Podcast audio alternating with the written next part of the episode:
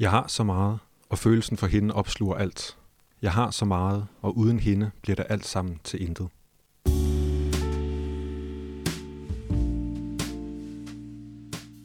Hjertelig velkommen til Bogbrevkassen. Du hørte lige uh, min kollega Henrik læse op fra uh, Den unge værters lidelser uh, af Goethe. Jeg hedder Emilie, og uh, vi sidder her på Stadsbiblioteket. Ja, det mm-hmm. gør vi. Jeg hedder Henrik, øh, og vi sidder hernede i kælderen i et nyt rum for, for mm-hmm. Bogbrevkassen. Vi sidder nede i et kulisserum helt nede i kælderen, som, som har været til børneteater, så der er måske nogle ældre lytter, der, der kan huske at have været hernede før i tiden. Præcis. Og det kan være, at I allerede har gættet det. Der står måske også i titlen, men grunden til at være der skulle åbne det her øh, afsnit, er jo selvfølgelig, fordi han er den originale, tragiske, romantiske ja. karakter. Jo. Han er den klassiske, det klassiske eksempel på, hvad den ulykkelige kærlighed kan føre til. Ja. Og det skal handle om kærlighed i dag. Ja. Ja. Men som det er jo kutume her i bogprøvekassen, så snakker vi lige om til at starte med, hvad vi har liggende på, øh, på natbordet derhjemme. Mm-hmm. Jeg har taget en roman med, der hedder Før sol går ned. Den er skrevet af Jenny Erpenbeck. Hun er en øh, tysk forfatter. Det er sådan en roman, der er øh, sat i øh, det start, starten af det 20. århundrede. Mm. Øhm, det er krig, og det er sådan midt inde, inde i Europa. Øh, og det starter simpelthen med, at der er et spædbarn, der dør. Og det er jo også forfærdeligt og tragisk og trist. Øhm, og så går der lidt tid med det. Og så sker der faktisk det, at romanen stiller spørgsmålet, men hvad nu hvis det her spædbarn ikke var dødt? Og så starter tidslinjen ligesom forfra. Så, øh, så både forældrene og den her datter, som jo i første tidslinje døde, øhm, de starter ligesom forfra på et helt nyt liv, og så sker det ligesom i løbet af romanen. Jeg er kun lige kommet til det andet, den anden tidslinje, hvor de så øh, er flyttet til Wien, i stedet for at blive skilt og ende alle mulige andre steder. Så øh, den er jeg meget spændt på at læse færdig, fordi den både er sådan stor og storslået, men også sådan virkelig fin og øh, ned i sådan, ja, menneskelivets detaljer. Ja, ja. spændende. Hvad med dig, Henrik? Hvad har du i gang i for tiden? Jeg er i gang med den her Having and Being Had af en øh, amerikansk forfatter, der hedder Eula Biss, som er en, øh, hvad skal man kalde det, en essay-samling.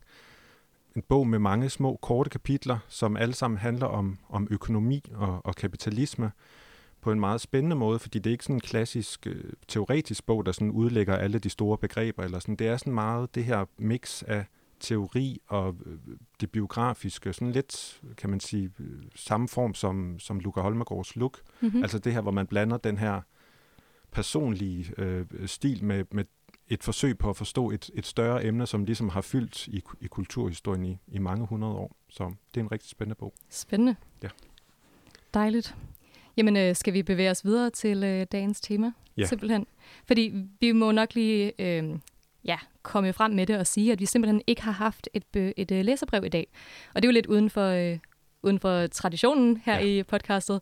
Men vi tænkte simpelthen, at fordi det snart er valentinsdag, så kunne det jo være, at der sad nogle lytter derhjemme og tænkte, at de bare virkelig trængte til at læse om noget kærlighed. Måske er der nogen, der er indlogeret på Heartbreak Hotel og har brug for at græde lidt. Øh, måske er der nogen, der synes, at det der kærlighedsshow og valentinsshow er forfærdeligt og er helt trætte af det.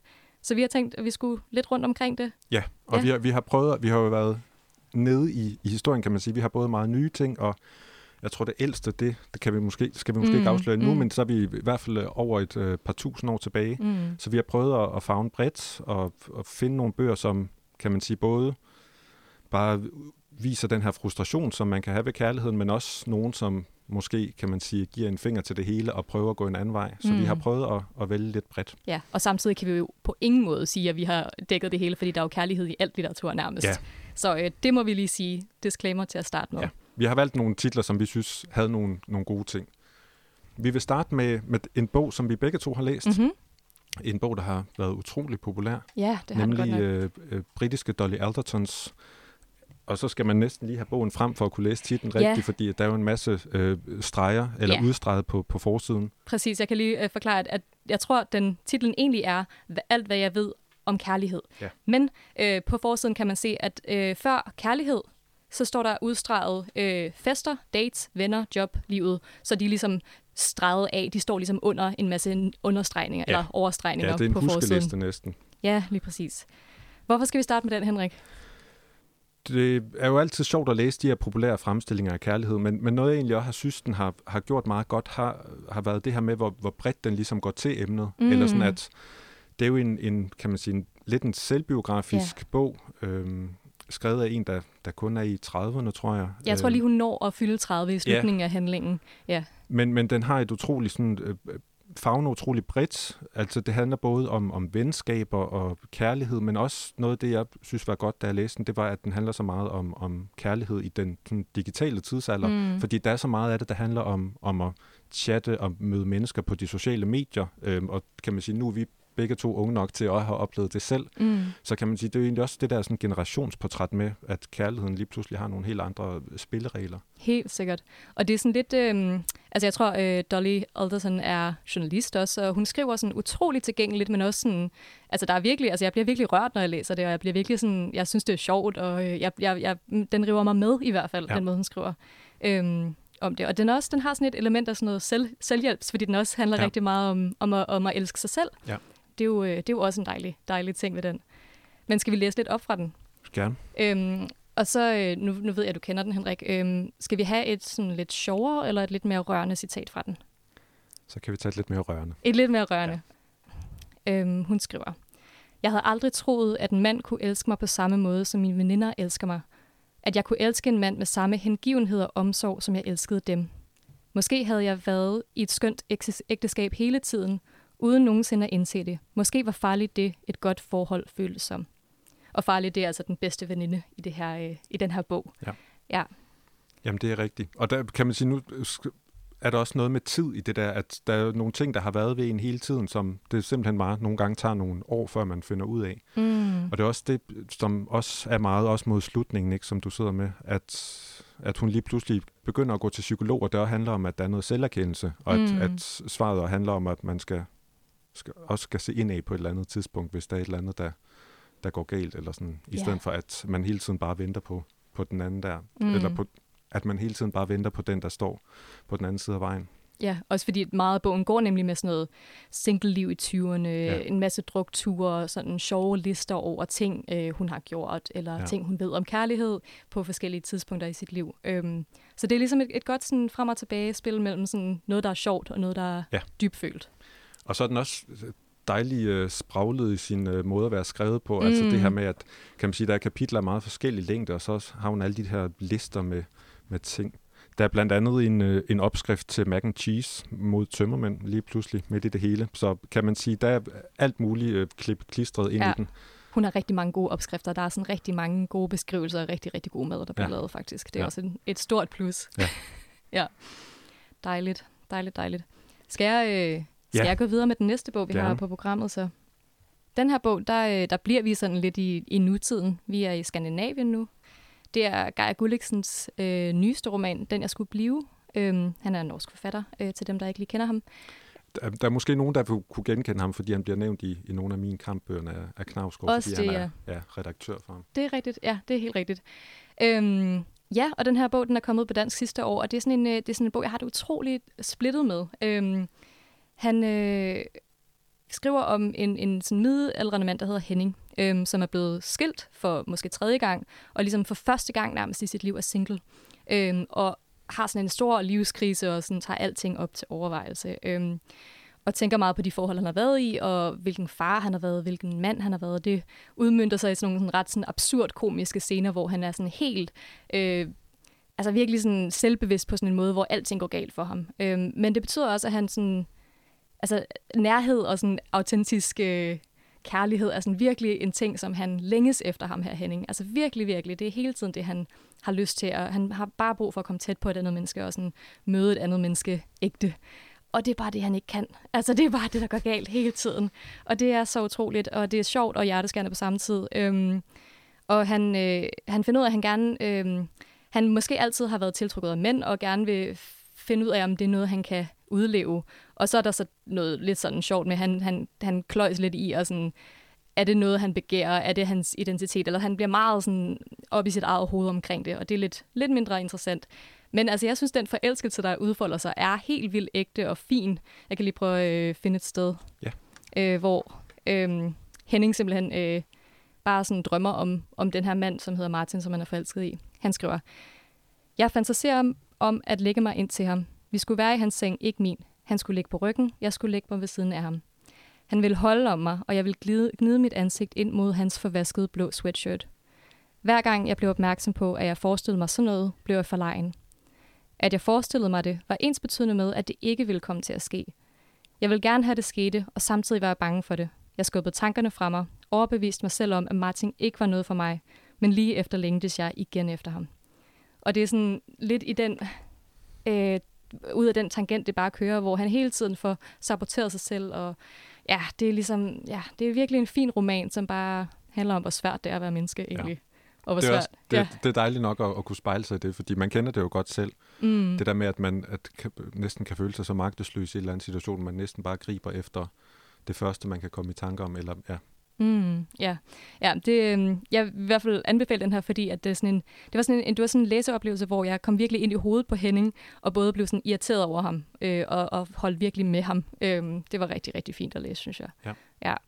Jamen, så vil jeg for første gang gå lidt længere tilbage i historien, mm. nemlig til en af de store klassikere på sporet af den tabte tid af, af Marcel Proust. Mm. Øhm, og det, jeg vil tale om, det er, er sådan en, en lille historie, som, øh, som gemmer sig i, i, øh, i den første bog, som så er, er andet bind i den nyeste oversættelse. Og det er den historie, der hedder Swans kærlighedshistorie, mm-hmm. øhm, som er en spændende historie, sådan, hvis man ser det i forhold til, til hele værket, fordi at det egentlig sådan lidt ligger grundlaget for en historie, som så kommer med, med øh, fortælleren af romanen selv, og en pige, der hedder Albertine senere, som så kommer til at fylde ja, 4-5 bind eller sådan noget. Så kan man sige, den er lidt mere langstrakt. Men, men jeg vil tale om den her Swans kærlighedshistorie, og det er jo, ham her, ham her Charles Swan er jo en karakter, som, som hovedpersonen møder i, i starten af bogen, fordi at, at Swan er, er ven af familien. Og han er den her meget, kan man sige, distinguerede herre, som faktisk kommer fra de højere sociale lag og har små sådan, øh, billeder med til, til fortælleren, øh, øh, altså sådan kan man sige print af, af klassisk kunst.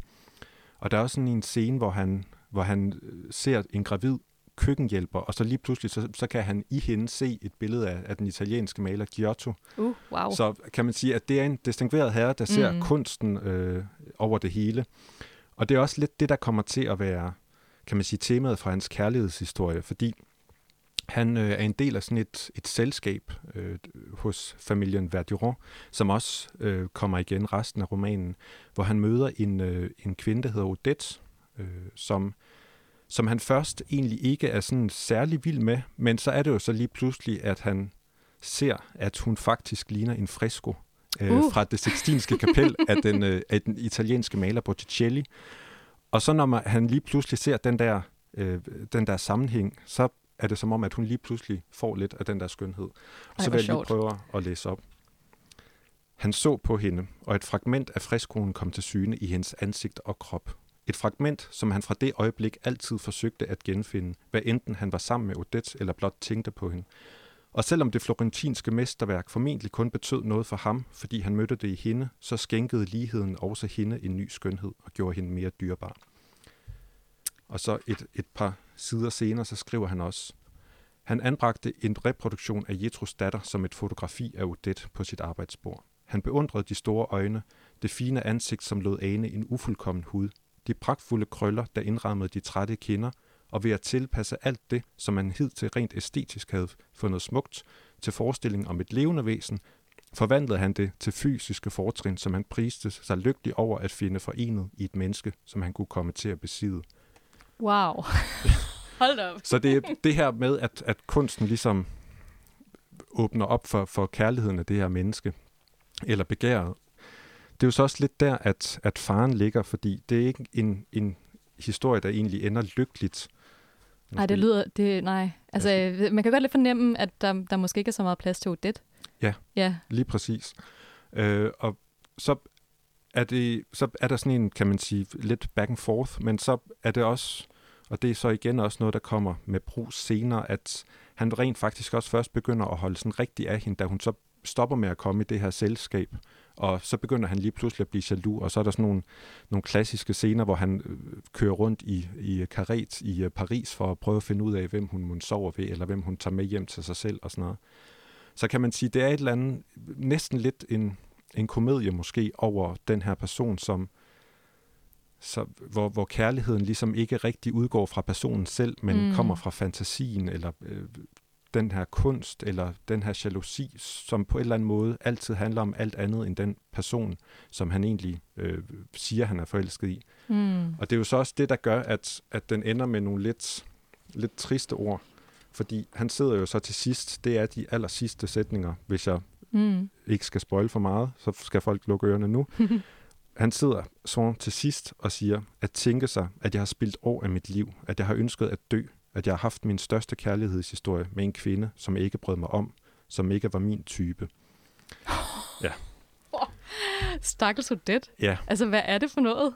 det ender så faktisk med, at de bliver gift, men det Okay. er så en helt anden Det historie. er så længere. Ja. Ja. Det er jo mange Det- bind, bind langt, det her Ja, værk, ikke? det er heller ja. ikke en lygtig, øh, et lykkeligt ægteskab, kan man sige. Åh, oh, det lyder Ja. ja. lidt tungt. Lidt sådan, øh, ja, meget misforstået Ja. kærlighed.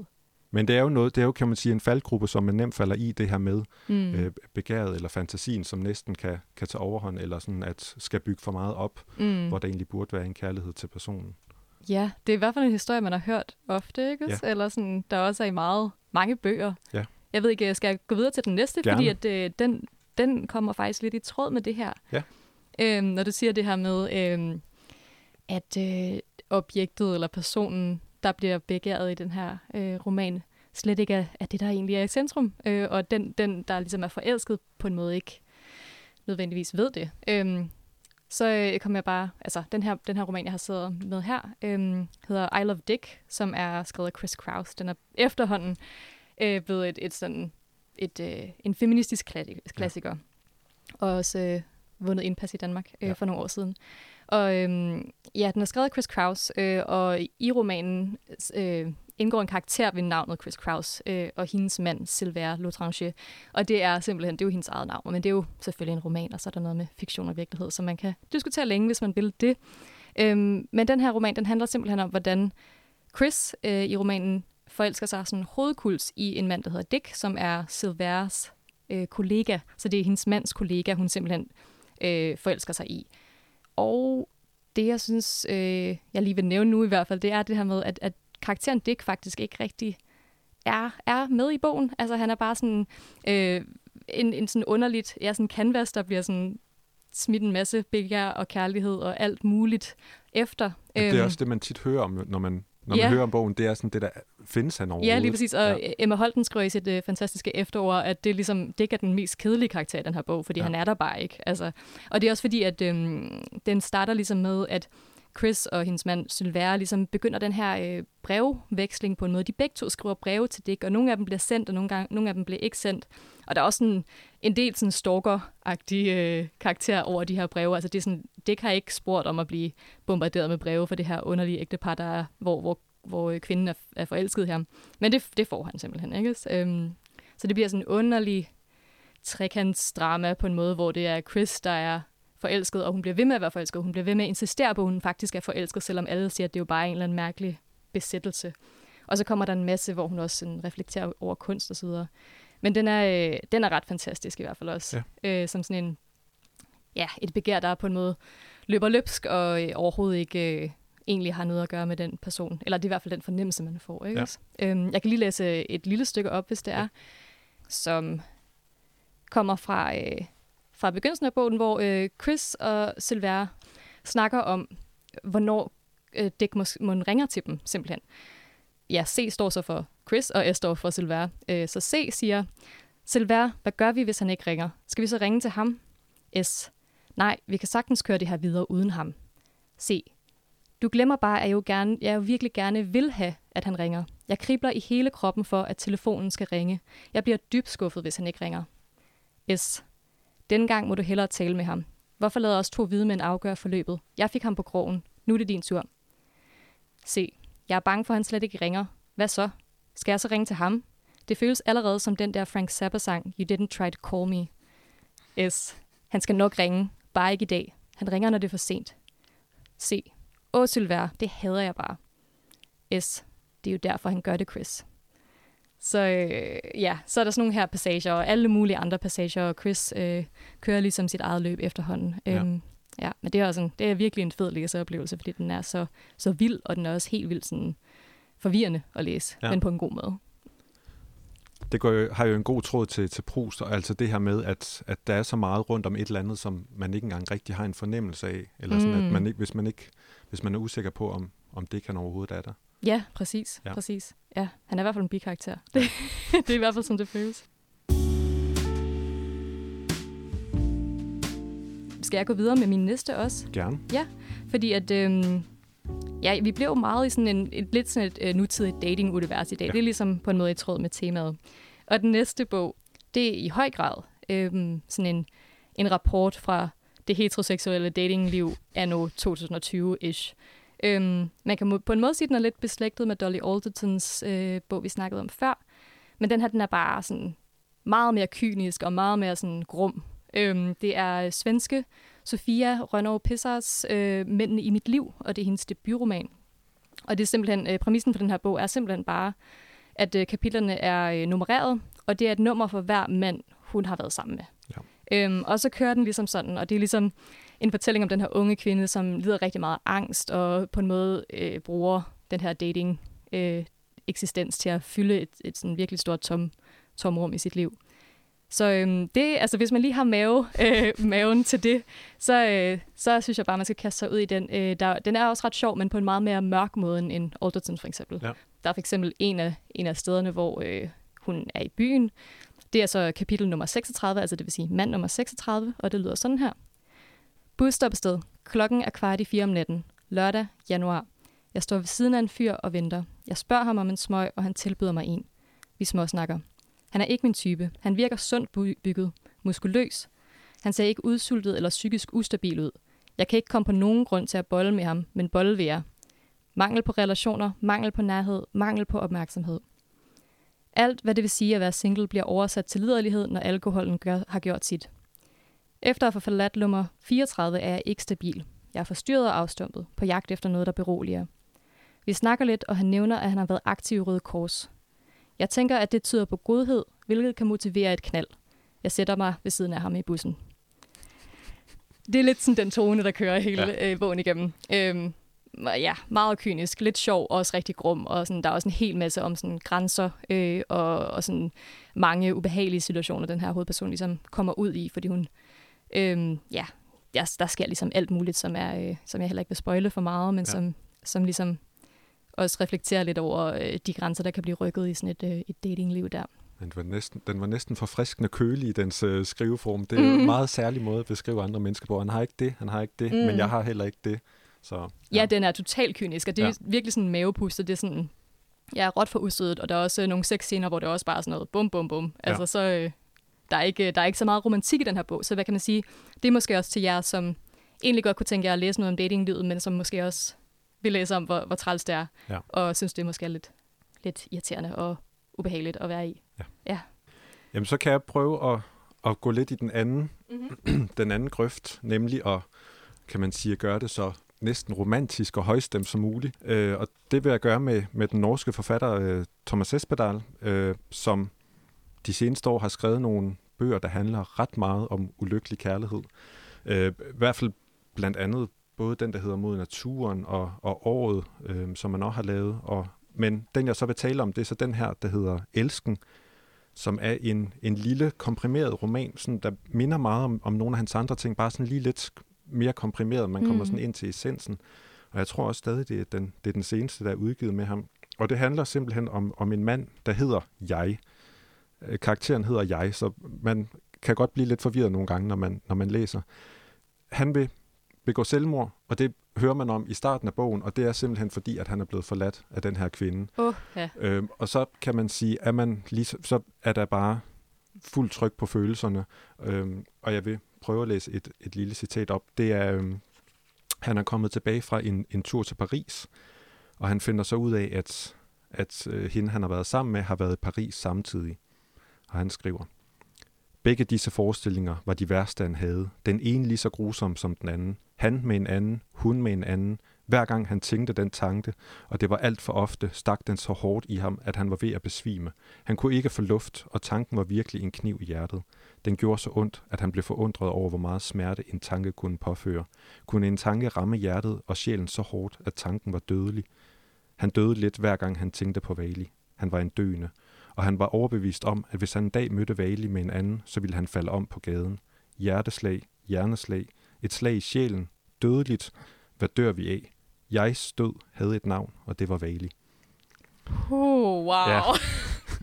så kan man sige, der, er der, der bliver der åbnet så meget op for det, at der næsten ikke kan, kan komme mere ud. Altså det er nærmest som at, som at skære, så blodet bare kommer ud. Ej, men det er jo... Øh... Ja, hold da op. Det er sådan måske noget, man skal læse, hvis man virkelig bare vil lade følelserne ja. strømme.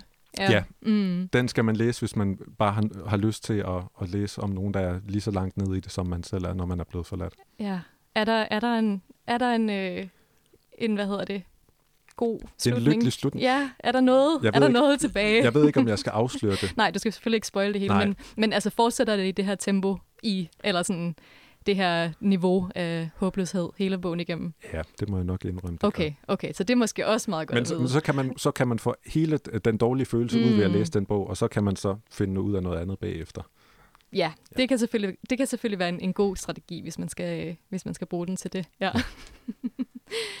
Dejligt nu når vi snakker om at få noget ud af sit system, vi snakkede jo også om det her med, at i dag handler det om kærlighed, men det handler måske også, øh, eller det, er også, det handler også om dem, som måske ikke synes, at kærlighed er så spændende, eller som egentlig er lidt trætte af kærlighed. Man kan få lyst til at vende hele ryggen i hvert fald nogle gange. Mm. Og øh, der øh, kom vi i hvert fald tanke om, at øh, Susanne Bryggers første bog, Fri os for kærligheden, ja. på en måde er uundgåelig. Fordi altså, den jo altså det, titlen siger jo det hele. Ja. Øhm, og det er jo sådan en, øhm, det er jo ikke en skønlitterær bog, eller det er det jo til en vis grad. Den står ikke i vores skønlitteraturs øh, sektion står i biblioteket. Den står øh, ja op under faglitteratur 15,4. Ja. Ja, okay. øhm, men det er jo også selvfølgelig, altså ikke kun virkelighed, det er også øh, indblandet fiktion. Øhm, men i hvert fald er det jo sådan en, øh, den er fra 70'erne. Jeg læser den meget som sådan en rapport fra, fra øh, Bryggers og feminismens 70'er øh, stemning, øhm, fordi der er rigtig mange ting, der skal gøres op med, og ja. der er også en masse ting af den, som, som jeg, selv, jeg selv i hvert fald ikke synes er særlig tidsvarende længere. Ja. Øhm, men der er bare også dele af den, hvor hun sådan simpelthen er så vred på kærligheden og monogamien, eller monogamiet hedder det vel, øhm, og sådan hele den måde, vi indretter vores, øh, vores samfund omkring tosomhed. Så det, øh, det er i hvert fald noget, man kan læse, hvis man, hvis man vil have sådan en, øh, en velargumenteret og øh, meget passioneret brandtale imod kærligheden. Ja. Øhm, der er et sted, øh, jeg, jeg kan lige øh, læse fra starten af her, eller i hvert fald det første kapitel, øh, hvor hun, et, en af de mange passager, hvor hun øh, snakker imod øh, ægteskabet som institution. Hun skriver, øh, for hvordan går det med livet? Lad os starte med den lejlighed eller det parcelhus, man flytter ind i, som den rent geografiske baggrund for parets fremtidige isolation. Hjemmene, der tilbydes i dag, er indrettet som militærfæstninger, for så vidt som alle de relationer, man hver især havde udad til, nu nødvendigvis bliver fælles. Ens venner skal også være ægtefællens venner. Hvis man skal besøge et menneske, der er kommet til at leve i en tosomhed og ringer på døren, bliver man nødt til at besøge dem begge, medmindre man på forhånd har arrangeret sig anderledes. Hvis en af parterne ikke bryder sig om indbryderen, er der to muligheder. Enten går tosomheden i stykker, hvilket ikke er meningen med den, eller også bryder man med den, der kommer udefra. Det er det mest almindelige. Og det er altså det, det er meget sigende for bogen, det her, synes ja. jeg, det citat. Øhm, ja, man kan læse den for, øh, for rigtig mange ting. Jeg synes, man skulle læse den for Bryggers skrift og den energi, der er i den. Jeg synes måske, mange af hendes samfundsanalyser måske ikke, ikke er så, øh, så spændende i dag, som de måske var i 70'erne. Ja. Men, øhm, men den er helt sikkert værd et, øh, et, en læsning, fordi at den, den, øh, den er så, øh, hvad kan man sige, den går hele vejen, ikke? Ja, men det kan man også have lyst til nogle gange, når ja. man sidder i sådan en situation, så kan man godt have lyst til næsten at kaste en håndgranat ind ja, i det ja. hele og bare... Ja, ja, ja, ja, ja, ja præcis. Altså, øhm, et, af, et af kapitlerne hedder simpelthen øhm, monogami, hvor tids kannibalisme. altså, det er der, vi er, ikke? Ja. Øhm, så det kan man gå til, hvis man er til, til, til det ja. energiniveau, i hvert fald. Ja. Ja, jamen, så kan jeg lidt i... Øh lidt i den dur også øh, gå videre til en af mine egne kæpheste, øh, nemlig den, øh, den tyske digter Rainer Maria Rilke, som også har sagt nogle lidt spottende ting om, om den romantiske kærlighed. Øhm, og det, jeg vil, øh, den bog, jeg vil tale om, det er den her brev til en ung digter, mm-hmm. som egentlig ikke er en bog, han, han selv udgav, men som er udgivet øh, posthumt, og det var en, øh, en digter, der hed Herr Kappus, som så øh, skrev til, til Rilke og, og sendte nogle digte med i håb om at, om at få noget, øh, kan man sige, nogle råd fra den her store digter. Og så fik han så øh, i stedet nogle breve om, at han bare skulle, skulle leve ensom og bare skulle leve et smertefuldt liv og sådan noget. Så det var, det var ikke helt det, han var ude det var efter, måske. måske. ikke det, han var ude efter, nej. Men altså, de her breve er me- mere end om, om, om digte, så handler det om, hvordan man skal leve som digter. Ja, Rilke han skriver om kærligheden, og han skriver, at den er, den er vigtig, og, og den er svær, og han skriver også, at det er en af de sådan, største prøvelser, som, som vi kan gå igennem som mennesker. Mm. Men det er jo ikke sådan, kan man sige, den romantiske kærlighed, altså sådan, hvor vi, hvor vi ligesom bliver smask forelsket i den anden person og overhovedet ikke kan få nok, øh, fordi det er en kærlighed, som han vil sige er, sådan, er fyldt med, med konventioner. Han siger, at intet er så fyldt med, med konventioner som kærlighedens veje. Øhm, og kan man sige, det der er galt med den, med den romantiske kærlighed, det er, at, at vi ligesom er så forslugte af den anden, at vi slet ikke sådan ligesom får mulighed for at kigge ind i os selv. Og han, han skriver her, at elske betyder ikke i første gang at gå op i, hengive sig til og forene sig med en anden. For hvad er en forening af noget uafklaret og ufærdigt, endnu uordnet? Det er en ophøjet anledning for den enkelte til at modnes, til at blive noget i sig selv, blive verden, blive verden for sig selv og for en andens skyld. Kun i denne forstand, som den opgave at arbejde på sig selv, bør unge mennesker bruge den kærlighed, der gives dem. Så det handler om, at vi simpelthen har et forfattigt forhold til vores eget selv, mm. eller sådan selvudvikling, hvis, hvis vi er for optaget af den anden. Det minder mig lidt om Dolly Alderton. Nu ja, er altså, øh... det er rigtigt nok. Der, der, der er helt klart noget, der er noget selvudvikling. Ja. Det har jeg nogle gange tænkt, når jeg ja. har læst den, at der er der helt klart sådan noget med, at man skal lytte til sine egne følelser og sådan noget. Mm, så kan man øh, gå til Rilke. Ja. ja. Men så siger han så, at vi i stedet for skal være ensomme. Okay. Eller at man lige præcis skal, skal dyrke sig selv igennem ensomheden. Øhm, og det handler så mere om, at ensomheden ligesom er der, hvor vi virkelig har mulighed for at lytte til os selv. Og så snakker han meget om, om nogle sørgmodigheder, som det så fint er oversat til. Det er jo ikke et ord, man bruger så meget længere. Og, og, og det fremmede, som ligesom går ind i os, når vi er alene. Og at det handler om ligesom at, at være i det rum, og ikke prøve at dække det til med mm. en eller anden øh, forelskelse, eller et eller andet begær, men, men simpelthen stå i det, øh, selvom det er fremmed eller skræmmende, og så simpelthen gøre, os, gøre det til en del af os selv. Ja, så det handler om, at man ligesom for at overhovedet skal kunne indgå i kærligheden, må have den her evne til at, at stå i alt det, som ens personlighed indeholder mm. af, af dårlige eller negative ting. Yeah. Øhm, og først derefter kan man ligesom være noget for et andet menneske. Kloge ord fra Rilke. Det er ja. godt at have med på vejen. Øh, altså, der er jo så mange bøger, vi gerne vil snakke om. Skal vi øh, bare fortsætte til den næste? Og så, øh, ja. For det er også nemlig en, vi begge to har læst, og vi gerne det. vil snakke om, fordi ja. at den simpelthen er en fantastisk kærlighedshistorie. Den er ja. også en forfærdelig kærlighedshistorie. Ja, og der er alt for få, der har læst den, tror jeg. Mm. Ja, og det er jo øh, Giovannis værelse af, af James Baldwin, ja. øh, som, som kom her på dansk for en to-tre år siden i, i Gyldendal Skala-serie. Ja, oversætter Per Jul, er det ikke rigtigt? Kan det ikke det passe? kan vi hurtigt Det kan vi hurtigt tjekke, men det, det mener jeg nok. Øhm, og det er jo en, en roman, som... Øh, ja, som, øh, ja det, det er Per Jul, det er, det er bekræftet. Øhm, det er jo en ret øh, tragisk kærlighedsroman. Ja. Øh, og jeg tror ikke, vi spoiler for meget ved at sige, at øh, det her par, som, øh, som det ligesom handler om, vi har Giovanni, som er en italiensk øh, øh, mand, som bor i Paris, og så har Ja. vi David, som er fra USA og Ja. er i Paris. Ja. David er egentlig forlovet med en kvinde fra Ja. USA, men det er så ligesom en helt anden historie. Ja. Jeg tror ikke, vi spoiler for meget, fordi Nej, at, kan man sige, tonen bliver ligesom lagt an helt fra starten. Ja, Ja. fordi det er jo sådan en, øh, det er jo sådan en suspense-ting, hvor man, man får at vide, at Giovanni simpelthen står for at skulle henrettes. Ja. Øh, det er jo tilbage i, øh, jeg ved ikke engang, hvornår den foregår, 50'erne, 60'erne måske? Ja, deromkring. Øhm, og han er simpelthen blevet sigtet for en forbrydelse, som gør, at han skal henrettes. Og så er det David, der står her og tænker tilbage på deres kærlighedsforhold, og på, hvordan han på en måde også synes, at han har noget af skylden for, for at, at det gik så galt på en Ja. måde, fordi at øh, David har det sådan med, at ikke rigtig kunne hengive sig, og ikke rigtig være ærlig over for nogen, øh, mindst alt ham selv, faktisk. Ikke? også? Øhm, Jamen, jeg, jeg har også lige øh, siddet og, og sådan skimmet første kapitel igennem her, nu når, når vi, jeg vidste, vi skulle tale om mm. den. Og, og det er jo nærmest sådan hele livshistorien, der sådan kommer frem, inden han så møder Giovanni, og så møder han Giovanni i starten af andet kapitel. ja. Så det er jo helt, hele det her liv, hvor han ligesom viser nogle ting, der, der har åbnet sig i ham, kan man sige, i forhold til at elske andre. Mm. Og han nævner så den her episode med en, med en dreng, som han har som han mødte tidligere i sit liv, men hvor han så simpelthen har lukket til Og så er det som om, at det der, øh, som han har lukket til for hurtigt på en eller anden måde, det ikke rigtig kan åbnes igen. Nej, han er, rigtig, uh, han er, han er ikke så god til at, at være sig selv, og han er ikke så god til at være ærlig over for andre. Vel? Nej. Altså David, øh, det kan vi måske lige øh, vise med et, et citat, der ja. er sådan, øh, fordi det, er sådan, det foregår i Paris, og det er sådan lidt et flamboyant miljø, de går meget i byen, det er, øh, det er sådan en, en gruppe øh, ja. af folk, ikke? Altså de Øhm, billeder, jeg har fra romanen, sådan, når jeg tænker tilbage på den, det er mest sådan fra parisiske caféer og sådan Ja, noget. og sådan noget med at spise østers klokken 7 om morgenen, Ja. ja. efter man har været i byen-agtigt. Ja. Øhm, og det tror jeg måske også er det her, øh, den her situation, vi er i her, øhm, hvor der er en, en ven, der hedder Jacques, der snakker til David om Giovanni. Ja. Og Jacques siger så, elsk ham, sagde Jacques hæftigt. Elsk ham, og lad ham elske dig. Tror du virkelig, at der er noget andet under himlen, der betyder noget? Og hvor længe kan det i bedste fald vare, når I begge to er mænd og har livet for jer? Kun fem minutter, det forsikrer jeg dig om. Kun fem minutter, og det meste af den tid hellers i mørket. Og hvis du tænker på dem som beskidte, så vil de være beskidte. De vil være beskidte, fordi du ikke kan give noget. Øh, du vil foragte dit eget kød og hans. Men I kan gøre jeres tid sammen alt andet end beskidt.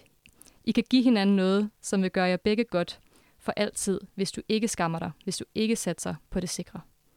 Ja. Og det er bare... Ja, det er en smuk passage. Ja, ikke ja. også? Og det er så det, David ikke rigtig kan. Ja. Ja. Så det, det, det er en tragedie, kan man sige. Det bliver du jo lagt op til lige fra starten. Fuldstændig. Ja. Ja. Men den er, den er, altså James Baldwin skriver, skriver fantastisk, Ja. ja. synes jeg i hvert Ja, fald. det gør og, øh, den er virkelig, ja, det er en stor kærlighedsfortælling, ja. ja. som også handler om det umulige ved at, Ja, eller sådan. eller hvor svært det er at, at åbne op, og at, eller sådan kan man sige, at der er så meget mod også Ja. i kærlighed. Ja, Ja. det handler om modet i den her roman i hvert fald Ja. ja. rigtig meget. Ja. Fantastisk, fantastisk. Vi er rigtig glade for, at I har lyttet med. Ja. Før vi øh, slipper jer, så vil vi bare lige øh, reklamere lidt for, at øh, I jo kan komme og høre os live. Ja. Der er Bogbrevkassen live den Ja. 1. april her Yes. på Stadsbiblioteket. Ja. Øhm, så, og det er øh, gratis med tilmelding, så man skynder sig bare ind. Lige præcis. Ja. Øh, vi glæder os i hvert fald meget til at se jer. Og så må man jo som altid virkelig, virkelig gerne skrive ind til os øh, med sine læsedilemmaer ja. eller spørgsmål på info Ja.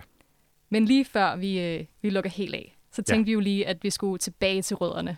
Vi skal tilbage til en af de sådan helt store kærlighedsdigtere, som jo har fået øh, utrolig meget opmærksomhed her de sidste par år, nemlig øh, den gamle græske digter Sappho, som har fået tre oversættelser i løbet af et par år. Så vi vil slutte med et, øh, med et lille fragment af hende, og vi, øh, vi vil læse op fra fragment 31, som nok også er det mest kendte, og det lyder sådan her. I mine øjne er han som en gud, den mand, hvem han end er, som sidder over for dig og lytter helt henført til din søde stemme og din henrivende latter. Mit hjerte flakser i mit bryst. Hver gang jeg får et glimt af dig, kan jeg pludselig ingenting sige. Tungen brækker bræt, og en sart ild iler med et under huden. Øjnene ser slet ingenting, og det bulrer for mine ører. Kold sved drypper fra min krop, og en skælven griber alt i mig. Grønnere end græs er jeg, og død, eller næsten, i mine øjne. Men alt må våges.